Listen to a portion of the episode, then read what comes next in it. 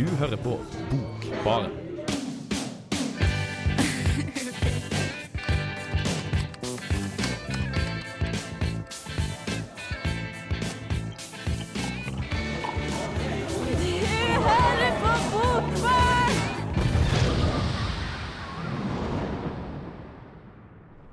God aften, god aften. Nå er det høst ut. Himmelen blir mørkere og lufta blir kaldere. Da er det på tide å ha årstidssending i Bokbaren.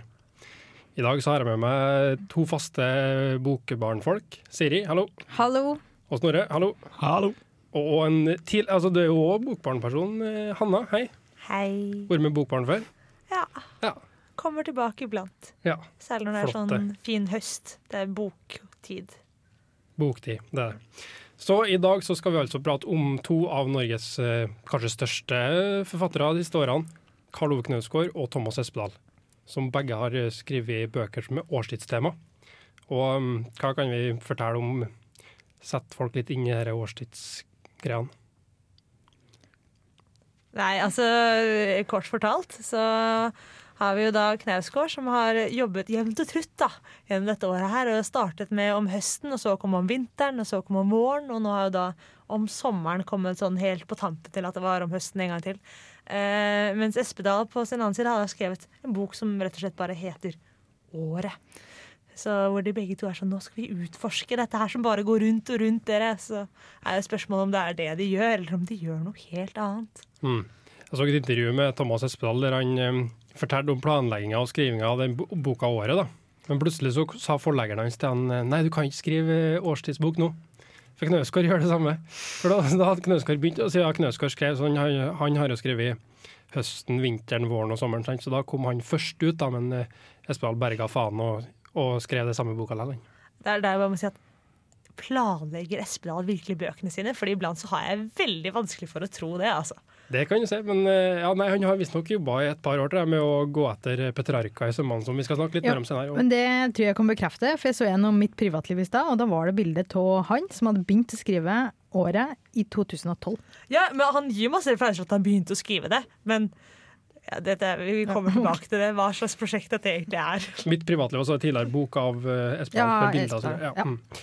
Det blir mer om både Knausgård og um, Espedal, og vi skal høre en anmeldelse som jeg har laga av Thomas Espedals nye bok 'Året', da. Men den tar vi etter eh, en låt med The Sideways, 'What Was and What Should Never Have Been'.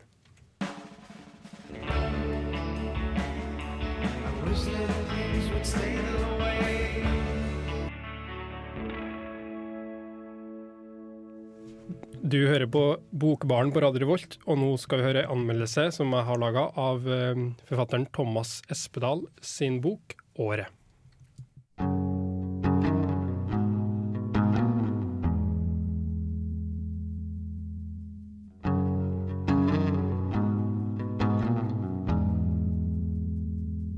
Thomas Espedal er en norsk forfatter, født i 1961. Han debuterte i 1988 med En vill flukt av parfymer, og har medregna årets bok fått utgitt 14 bøker. Espedal har jobba mye med sjangeroverskridelser, og utforsker ofte grenselandet mellom roman og sjangre som essay, brev, dagbok, reiseskildring og sjølbiografi.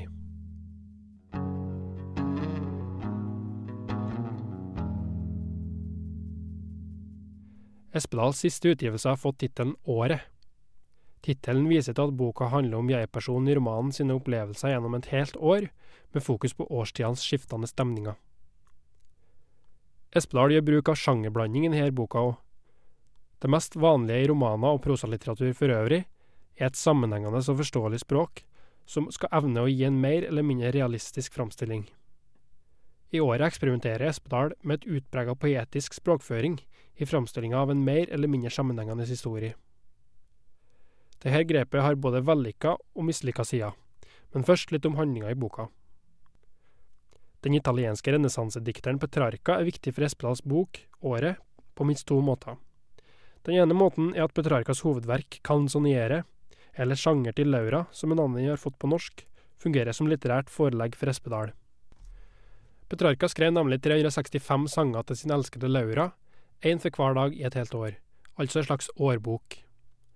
Den andre måten Petrarca er viktig hos Espedal, er at året i all hovedsak utforsker Petrarcas idé om kjærlighet, og den ideen er Går det an å elske kun et eneste menneske, og konsentrere all sin kjærlighet til én person, uansett om den personen er borte eller død? Petrarca mente det, og elska Laura i årevis etter at hun døde ung, og Petrarca elska hun helt til sin død. Espedals jeg-person har bestemt seg for å gjøre det samme. Etter at forholdet til kjæresten, som var den store kjærligheten, tok slutt, ville han ikke elske noen annen.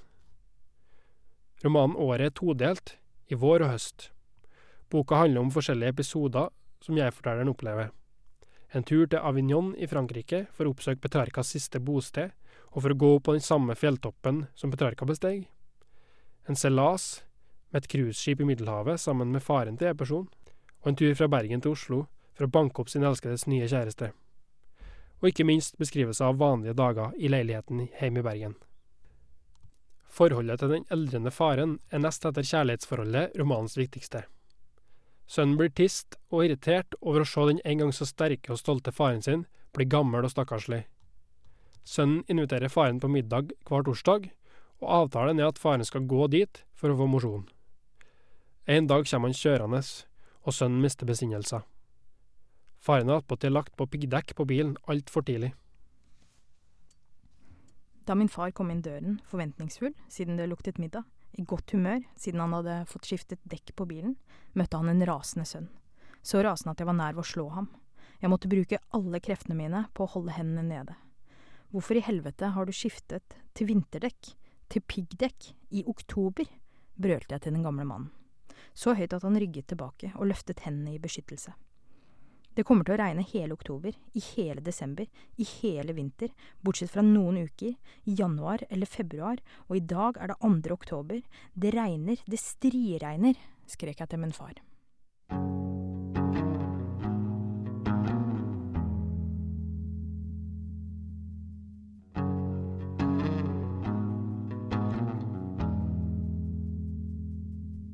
Espedals to hovedtema i romanen er svært interessant. Den evige kjærligheten og forfallet i alderdommen.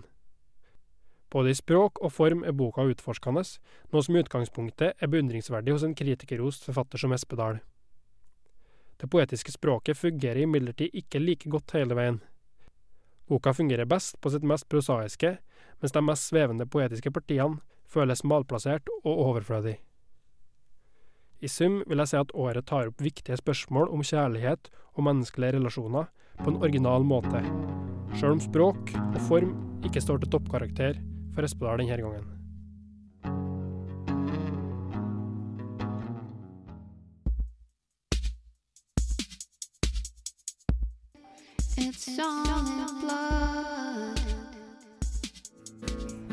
Hei, hei. Eh, Dette er Vigdis Hjort. Jeg liker navnet på denne radiokanalen, Radio Revolt. Hør på magasinet Bokbarn. Det å sitte på bar og lese bok, det er ikke det verste. Vigdis Hjort anbefaler Bokbarn, og før det så hørte du Jenny Wahl. Vi driver og prater om eh, Thomas Espedal her i Bokbarn. Og det er jo sånn at Thomas Espedal har skrevet en bok som heter Året, der han prøver å beskrive hele årets uh, skiftninger og stemninger. Da. Med den gamle italienske dikteren Petrarca som forbilde. Um, har dere noen ideer eller tanker om, om i hvilken grad dere syns han har lykkes med å fange årstidene? Ja, altså Innledningsvis, eh, Petrarca kommer ganske tydelig fram at det er et av de store litterære foreleggene ganske tidlig i boka. Eh, han skrev jo sonetter hver dag eh, til eh, Laura. Eh, og Espedal setter seg liksom for å skrive året. Han òg, da. Men han skriver ikke hver dag. Han skriver det som ender med å bli en del om våren og en del om høsten. Så vi får liksom to av fire årstider, da som da åpenbart fungerer talende for hele året innad i formen, virker det som, da, men det gjør jo ikke det. Og jeg syns vi, vi følger Espedal litt på reise. Eh, så han beskriver noen dager ganske utførlig, mens eh, plutselig er det store tidshopp. Mm. Og det blir jo litt sånn um, eksplisitt um, med Petrarca som forbilde òg, tenker jeg, når han er på den reisa til Avignon i Frankrike. Er det som å si Avignon? Avignon. Avignon, takk. Uh, der er Petrarca da bodd uh, på slutten av livet. Og han til og med um, altså, besøker huset hans og, og, går på samme fjelltoppen. Så der har du jo Petrarca som, som forbilde for Ja, og apropos, apropos den fjelltoppen, for da husker jeg gliste litt da jeg leste det. For det, Espedal går jo denne fjelltoppen fordi Petrarca har gjort det før, og Petrarca skriver jo om det. Og mens han går opp det her, eh, så tenker han skal ikke du tenke på de store temaene slik som Petrarca har gjort. Så det er litt sånn tydelig at det er en distanse til, eh, for det er jo 700 år siden Petrarca skrev, at det er en åpenbar distanse til, eh, og et forskudd på nesten Det blir jo en form for glorifisering av det de her gamle dikterne drev med. da. Ja, La oss snakke litt om dette med kjærlighetstema, som jeg er så opptatt av. For det er jo det som han eh, i hovedsak eh, Den ideen han i hovedsak stjeler fra Petrarca, da, at uh, ideen om at man kan elske en eneste person, uansett om den personen slutter å elske deg, eller uh, om den dør, eller hva det er. Uh, synes, er det det du mener, Siri, eller har, har noen nok andre noen tanker om det? At det føles litt påtatt eller konstruert, da kanskje? Ja, altså Det er jo her jeg kommer inn som den stemmen som syns at, at, som vi også har snakket om, at jeg syns det er litt platt, dette her. Jeg synes at dette er veldig sånn Espedal han jobber veldig mye i hele forfatterskapet sitt med å støtte seg opp mot disse store litterære skikkelsene og på en måte jobber seg inn i tradisjoner og skriver etter veldig, veldig mye. Eh, og det er noe han prøver igjen med denne Petrarca-skrivingen. da, som jeg, og For meg, så, så vi, vi har, du nevner jo i denne anmeldelsen at det er de to store temaene. Det er kjærligheten til uh, Janne eller Silje, eh, og så er det denne farsskikkelsen og liksom sorgen over dette. Og for meg så er det kanskje at denne sånn spørsmålet om finnes den evige kjærlighet, sånn, der blir han så utrolig sånn selvrepeterende og litt sånn sutrende. Og for meg det finnes egentlig virkelig ikke interessant. Og jeg syns ikke han klarer å fange det på noen måte. Han skriver setninger som i bunnen av enhver sorg finnes det en glede. I bunnen av enhver glede så finnes det en sorg. Og jeg er sånn, men hvorfor er dette interessant? Ja, eh, Før jeg tar opp eh, den tråden der, så tenkte jeg bare vi kan presisere hvem Janne Silje er. Ja, Janne slash Silje er da Espedals ene store kjærlighet som går fra ham i bergensers eller noe sånt. Ja. ja for, ja, for, det er jo en, uh, særlig i siste delen av forfatterskapet til Espedal, så er det en uh, tydelig vridning mot det sjølbiografiske der og da. Mm. Si jeg tenker på det her, jeg er litt uh, uenig med deg, han, samtidig som jeg er litt enig, enig først da, i det at um, han um, det føles, litt, det føles ganske sjølopptatt og litt påtatt. Jeg er litt enig. Men samtidig så syns jeg det er en jeg syns ikke at det er en klisjé Eller det er jo en klisjé, men jeg det er ikke så mange andre som snakker om det. Jeg tenker heller tvert imot. At liksom, ideen om den evige kjærligheten er jo er den nesten død i dag, tenker jeg. Så derfor er det, jeg synes det er interessant med Espedal som, som, tar den opp. Da. Han sier jo at det er jo en viljeshandling, det er må, noe han må innstille seg på. Ja, og det er kanskje fint at han prøver på en måte å gå tilbake til CV-temaene og være litt, sånn, være litt romantisk i sine tanker. Men det jeg kjenner at jeg får litt avsmak av, er denne på en måte Espedal som en sånn 50-årig mann. og han, liksom I et av de intervjuene jeg leste om denne boka, så sa han også at nå begynte han på en måte å skrive på å forberede seg på å dø. Som også er en veldig sånn litterær trope. Hva er det Montaigne gjør? Jo, han setter seg ned i tårnet sitt og skriver for å forberede seg på å dø. Og så skal han skrive, og så skal han bli Petrarca. Og Det er på en måte noe veldig sånn selvhøytidelig i det, som jeg virkelig ikke helt klarer å svelge. Ja, eller Jeg tror ikke han skriver for å bli Petrarca her, men han skriver for å utforske nettopp den der tanken om evig kjærlighet. Og hasset det går an å forholde seg til tanken om den evige kjærlighet, som på en måte har blitt en, ja, en av de her tropene i litteraturhistorien, da, og som, som, sto så høyt hos Petrarca. Så han utforsker jo er det mulig, og det blir nettopp en viljeshandling. For jeg tror på mange måter han finner ut at det jo ikke stemmer, da. Mm. Altså litt eh, melodramatisk, kanskje, gamle herr Espedal. Eh, vi skal snakke litt mer om Thomas Espedal og gå etter hvert over til Knausgård, men først så hører vi Alalas med Could Be You. Thomas Espedal og Karl Ove Knausgård, to kulturgubber som uh, sikkert liker å um, framstille et poetisk bilde av seg sjøl, virker det som for meg. Men uh, samtidig skrev de jo ganske bra litteratur, begge to. Um, vi har snakka litt om det her med kjærlighetsforholdet i Thomas Espedals året. Men det er et annet forhold som er viktig. Um, forholdet til faren. Ja. Far-sønn-forholdet. Mm. Syns dere det er likere framstilt? Jeg syns han klarer å skrive fram en veldig sånn ja, en sårhet i det. da. Eh, Framstiller faren sin som på en måte ja, som om han driver og veldig forbereder seg på å dø. Da. At han har gitt opp livet, og at alt han eier og har, er denne leiligheten. Og Det er nok antagelig det som gjør at Espedal, eller det her litterære jeg, da, blir så fuckings pissed off. sant? Fordi han er enormt sint på sin egen far, uansett. Nesten her han er. Og de drar jo på cruise sammen. Og, og der også, som merker han at det, han gjenkjenner så enormt mye av seg sjæl i faren. Og det gjenkjennelsesforholdet òg tror jeg kanskje gjør at han blir ja. Eh, var ikke faren en veldig markant skikkelse i oppveksten hans? En skikkelig standardpartiark? på Jo. en måte. Ja. Så det er jo forvitringa som jeg tror er irriterende.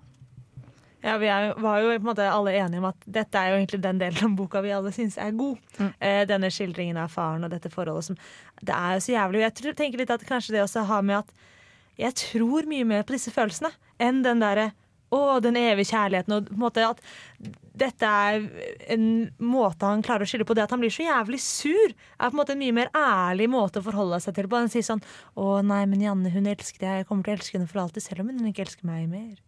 Det er jeg egentlig veldig enig i. Men um, um, de to forfatterne vi har, da, Knausgård og Espedal, så er det jo også sånn at Knausgård er jo um, veldig glad i det her med å beskrive familiære relasjoner, må man si.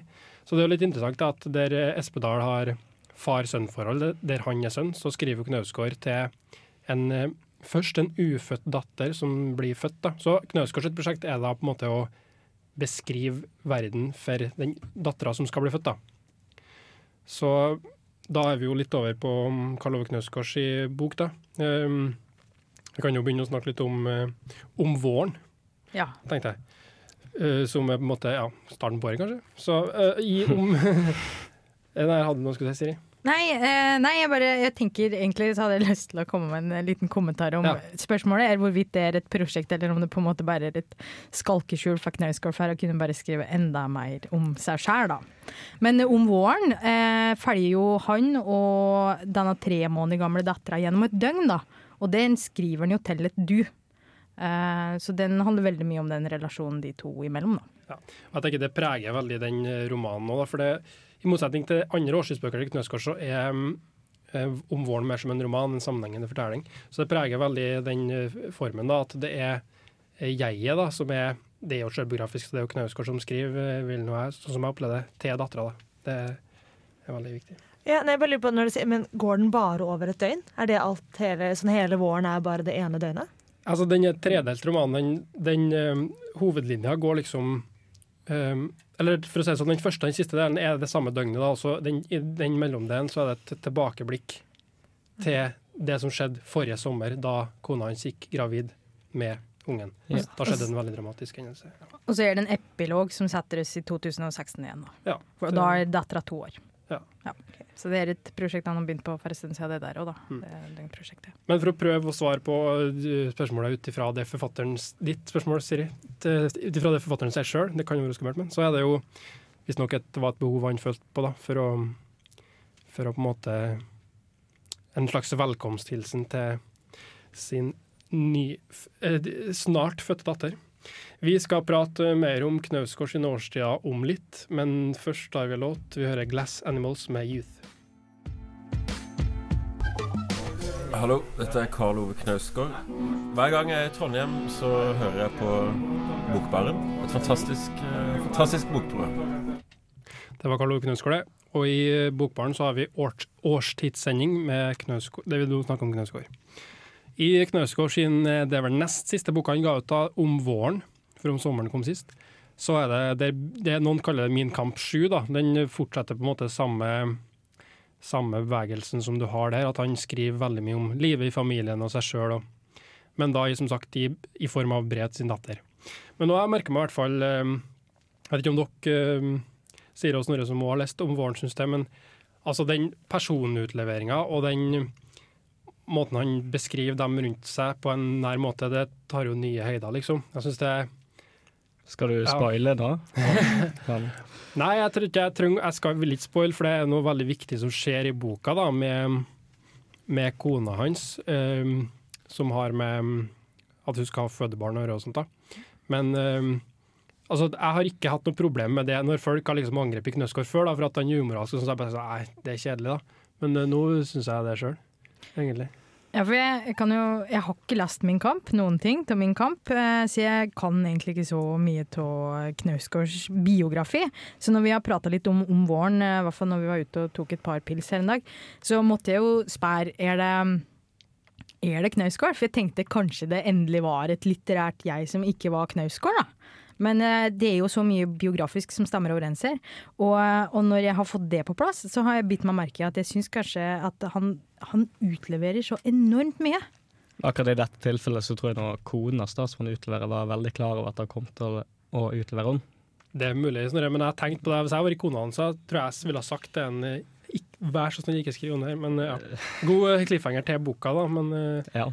Ja, det er da sånn uh, fucker som Wolf Espedal kommer inn og sier at du er ikke forfatter hvis du ikke kan skrive om alt, som jeg synes ikke er sant at all. Men det er en holdning som går langs sånne 50 år gamle kulturfyrer i Norge, altså, som jeg kanskje ikke synes er så sympatisk. Og Espedal gjør også dette i, i denne mm, nyeste boka si i året. Så har han jo også en sekvens hvor han beskriver den første gangen han har sex med Janne eller Silje. Som jeg også blir litt sånn, Da får jeg bare vondt inni meg og tenker det der kunne du ha spart deg. Altså. Enig i den siste der. Men en ting som jeg hadde tenkt på da jeg leste, for jeg leste jo de to bøkene her på rappen nå, Espedals 'Åre' og 'Knausgårds om våren', det er at Espedal han har sagt i intervjuer jeg har sett, at han, han, han, han utforsker det her, den her jeg-formen og skriver 'jeg' i en roman. og ja, utforsker det sjølbiografiske, rett og slett. Men han blir, litt, han blir litt lei og irritert. Da har han sagt at kritikere spør å ja, det handler om deg. Det er du. For at han, han mener at det bør være mulig, akkurat som en poet gjør, da, å skriver jeg. Og så det skal ligge mer enn der enn som så, da. Og jeg syns Espedal åpner på en måte for en sånn lesning, en sånn tolkning, med at han eh, jeg i hvert fall framstår for meg som mer eh, diktning, og han varierer episoder. Sant? og Bruker samme materiale om igjen og skriver det om, og bruker poetisering og sånn. Mens hos Knausgård så får jeg mye mer følelsen av at det er, han har prøvd å gjengitt det så, så godt han kunne, da. Uten noe slags eh, eh, Ja, hva skal ikke man noe filter der. på en måte. Helt uten filter, ja. Ja. Uten å skrive om, det. Ja, men jeg merker jeg blir litt irritert og jeg er i møte med det her. Uh, for det du vil sånn, Når du leser bøker, så vil du gjerne gjenkjenne deg i karakterer om. Men med en gang det blir Espedal, med en gang det blir Knausgård, så klarer jeg ikke tenke på noe annet enn at det er deres liv jeg leser. Og det syns jeg faktisk fjerner litt av den litterære, allmenngyldige, universelle karakteren da, som skjønnlitteraturen kan inneha. Men var ikke eller du har ikke lest Min kamp, men jeg føler det er til stede i Min kamp. da. Jeg kan jo fortsatt gjenkjenne meg i Knausgård, men det var før han ble veldig kjent. da. på en måte. Men nå har det gått litt for langt, kan det virke som, i hvert fall om våren. Ja, jeg er litt enig med Snorre der. At, eh, og der sier jeg, for at jeg, Når jeg begynner å lese av Espedal eller Knausgård, så jeg ser jo for meg dem, men jeg kjenner meg igjen for det. på en måte. Men det, som du sier, ja, det legger veldig føringer for lesninga. Ja. Jeg, akkurat, men sånn, jeg har jo lest de to første Min Kamp. Begynner å lese veldig mye Espedal, og da tenker jeg litt med at det at det er noens liv for, Men det er bare akkurat meg, da, men det har ikke så mye å si fordi jeg er en sånn person som leser sykt på et sånn språknivå. Så hvis du klarer å skrive det med liksom gode formuleringer, så er jeg med på ganske mye.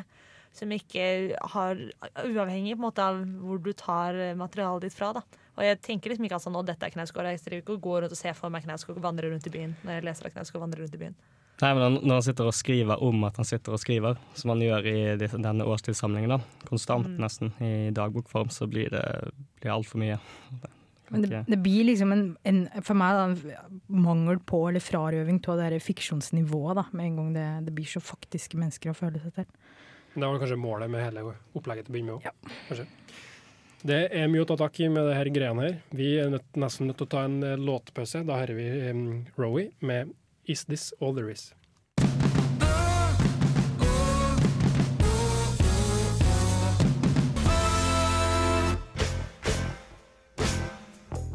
Jepp, dette er Frode Grøtten. Eh, Lytt på Bokbaren på Radio Revolt. Ta deg en eh, god drink. En ting som er litt uh, pussig og rart med Knausgård-bøkene, altså den siste serien her, årstidserien hans nå, det er at det er fullt av bilder inn.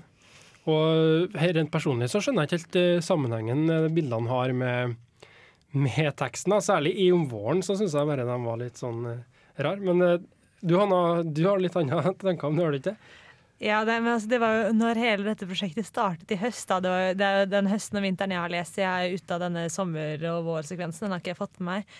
Eh, men så ble det jo liksom sagt at ja, og så skal det være med bilder av Vanessa Baird. Og det er jo hun som vant Lorg Skives-prisen på Trondheim kunstmuseum nå i høst. Jeg var på foredrag med henne der, og det, hun, det var masse oppstyr om hun, det var hun som skulle ha disse bildene i regjeringskvartalet. Som folk fikk helt natta etter 22. juli.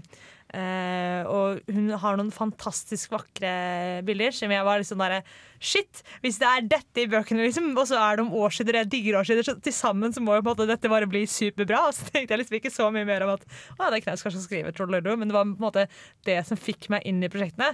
Og nå også så er jeg liksom, ja, ok, jeg har lyst til å lese om våren, men jeg har kjempelyst til å lese om sommeren. Fordi der er det bilder av Anselm Kiefer, som er en tysker som jeg så en utstilling av i våres, som var bare helt fantastisk god. Og da tenker jeg liksom at det må jo på en måte være noe, da. Han har jo valgt hvilke kunstnere han skal ha med å gjøre. Så jeg tenker at et eller annet sted må det være. Og Snorre snakket om at han tror at han møter han kunstnerne om sommeren. Jeg tror han møter han Ja. i om sommeren. Så noe er det her. Det er jo artig. Nei, altså, bare for å ha sagt det, det er for all del fine bilder, altså, men jeg har bare slitt med Særlig i denne romanen, da, så av og til så skjønner jeg ikke hva det er bilde av engang. Så det er mye sånn non-figurative bilder for meg som eh, for så vidt er fin. Jeg får ofte ikke så mye ut av å bare se på bilder og sånn, så i hvert fall ikke sånn nonfigurativt. Um, ja. så jeg er kanskje ikke helt inn i det. Kan jeg jo nevne det for lyttere at Johannes viste akkurat fram bildet til noe jeg har valgt eh, når jeg leste om våren, og tolker som liksom Det var bare en, en liten bylt. Eh, Så jeg har valgt å, tolke det litt som en, eh, som en sommerfugl som ligger i kokongen sin. da. Som det her barnet, denne tre måneder gamle dattera. Det er litt min, min innvending til det. at Hvis du skal tolke For jeg tenkte sånn hm, Er det sånn jeg skal tolke? Så bare Sånn, da blir det veldig eh, far out. Men du tolker jo litteratur til vanlig. Ja, men da føler jeg ikke jeg at det er så ja. Da er du litt mer på hjemmebane i litteraturen. Ja, kanskje. Men jeg tenker litt at jeg håper på en måte litt at det ligger et eller annet nivå At det gir muligheten til å tolke noe ekstra. At det gir muligheten til å lese noen andre ting inn i det ved at du velger å sidestille forskjellige kunstuttrykk. Akkurat som at Espedal velger å si at OK, jeg skriver dette Petrarca. Eh, men hvor og Da er spørsmålet hvor bevisst Knausgård har jobbet med dette. Jeg må innrømme at jeg husker faktisk ikke helt om jeg tenkte noe på Oi, Vanessa Baird og når jeg leste høsten, holdt på eller om det er vinteren, jeg husker ikke lenger. Uh, at, at det skulle være en kobling på en måte som var så veldig veldig viktig. Men jeg driver her sånn, å, men Kiefer han driver og jobber masse med mytologi, og han jobber, har jobbet masse med på en måte, den på en måte, tyske skammen etter krigen, og han har jobbet masse med sånn veldig mye forskjellig. Så jeg er sånn, oh, kanskje han benytter seg av dette på noen måte i litteraturen, og så vet jeg egentlig ikke, men det er jo på en måte lokkemat, da, om ikke annet. Mm. Ja, det er et nytt grep i um, bøker, eller nytt er det vel heller ikke, men ja. Nei, det vil jeg ikke si. Nei, Han skriver ikke om tysk skam etter krigen, Knausgård. Altså. Han skriver om sin egen skam. Den har ingenting med krigen å gjøre. Kun egne ting hos Knausgård. Ja. Um, du Snorre har jo lest eh, den siste boka i denne serien som kom, den kom vel nå i sommer, var det, eller var det høst? Kom for et par uker siden, var det ikke det? Var det så sent, ja? ja. Om sommeren. Ja. Her er det jo også bilder, men eh, du kan jo først si litt om eh, boka, eller din opplevelse av den. Ja, jeg syns det er den svakeste av eh, i hele samlingen. Den virker veldig uferdig og eh, ganske usammenhengende til tider òg. Han drar inn eh, egne dagbøker inn i teksten, som ikke har så mye med de uh, essayene å gjøre, da. Og så skriver han sitt eget jeg inn i jeget til en 72 år gammel kvinne i Malmö, som jeg ikke fikk lest. Jeg burde kanskje lest det, men jeg har skippet over det. Du valgte, å- du skippe den først. Ja, for jeg fikk litt dårlig tid òg. Men uh, Og så eh, blir det veldig repetitivt, med tanke på de to første, da. Og uh, han begynner ofte på essays da, som han, ikke Som han forventer skal liksom løses opp i noe større, da, som ikke gjør det i det hele tatt. Mm. Jeg tenker at Han har jo endra litt på formen der, ettersom at han um, i de to første bøkene, altså om høsten og om vinteren, det er de som kom først i den kronologiske rekkefølgen, så det er kun sånne korttekster, sånne korte beskrivelsestekster av gjenstander eller personer.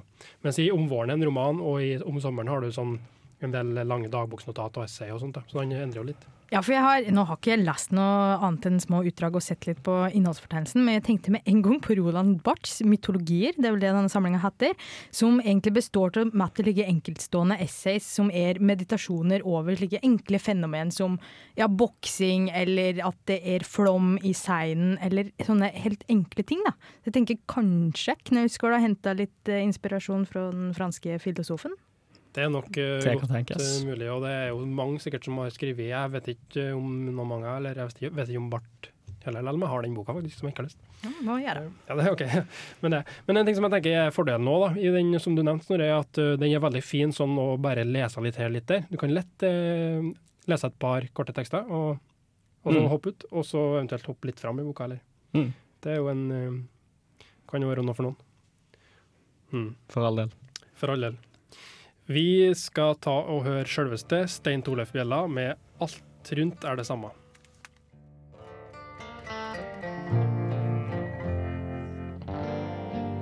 Fått ei venninne nord i skogen.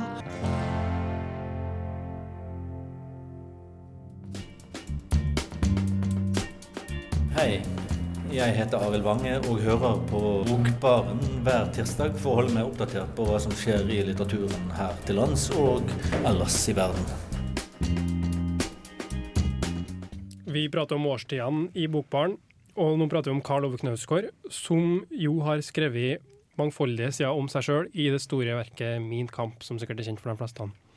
Da er det jo veldig fort fristende å stille spørsmålet om det er nødvendig med enda mer eh, enda mer verk av Knausgård der han bruker seg sjøl.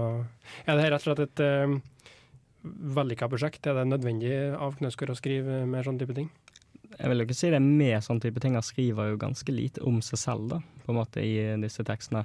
Og uh, som vi nevnte litt før, at uh, det virker som han har et litt mer buddhistisk perspektiv på livet. At han er mindre besatt av seg selv og mer opptatt av å beskrive verden. da, og uh, alle dyrenes felles skjebne i dette lidelsesfellesskapet som vi lever i. Ja. Altså, det er jo sant, som du sier, Knausgård sier det selv, at denne gangen var blikket ut på ting og sånn. Men mm. jeg tenker jo på den romanen om våren, da, som, eh, der han skal skrive til dattera òg, så er det i utgangspunktet en tanke om at uh, det ikke er han det handler om, men det er å beskrive ting til hun. Men jeg syns nå ofte han går veldig dypt inn i seg sjøl og hans forestillinger om ting. For eksempel han skriver om han skriver ganske interessante ting i sånn kjent eh, essayistisk stil som Knausgård driver med, altså, om personligheten og hva det er. Men da er det jo han, han, han, han, han spør du meg. da. Men Det er vel også kanskje derfor de kaller det for Min kamp 7. Eh, men jeg tenker som en helhet, da, om eh, høsten, om vinteren, om, om, våren og om sommeren. Tenker du at det er et vellykka årstidsprosjekt, Snorre?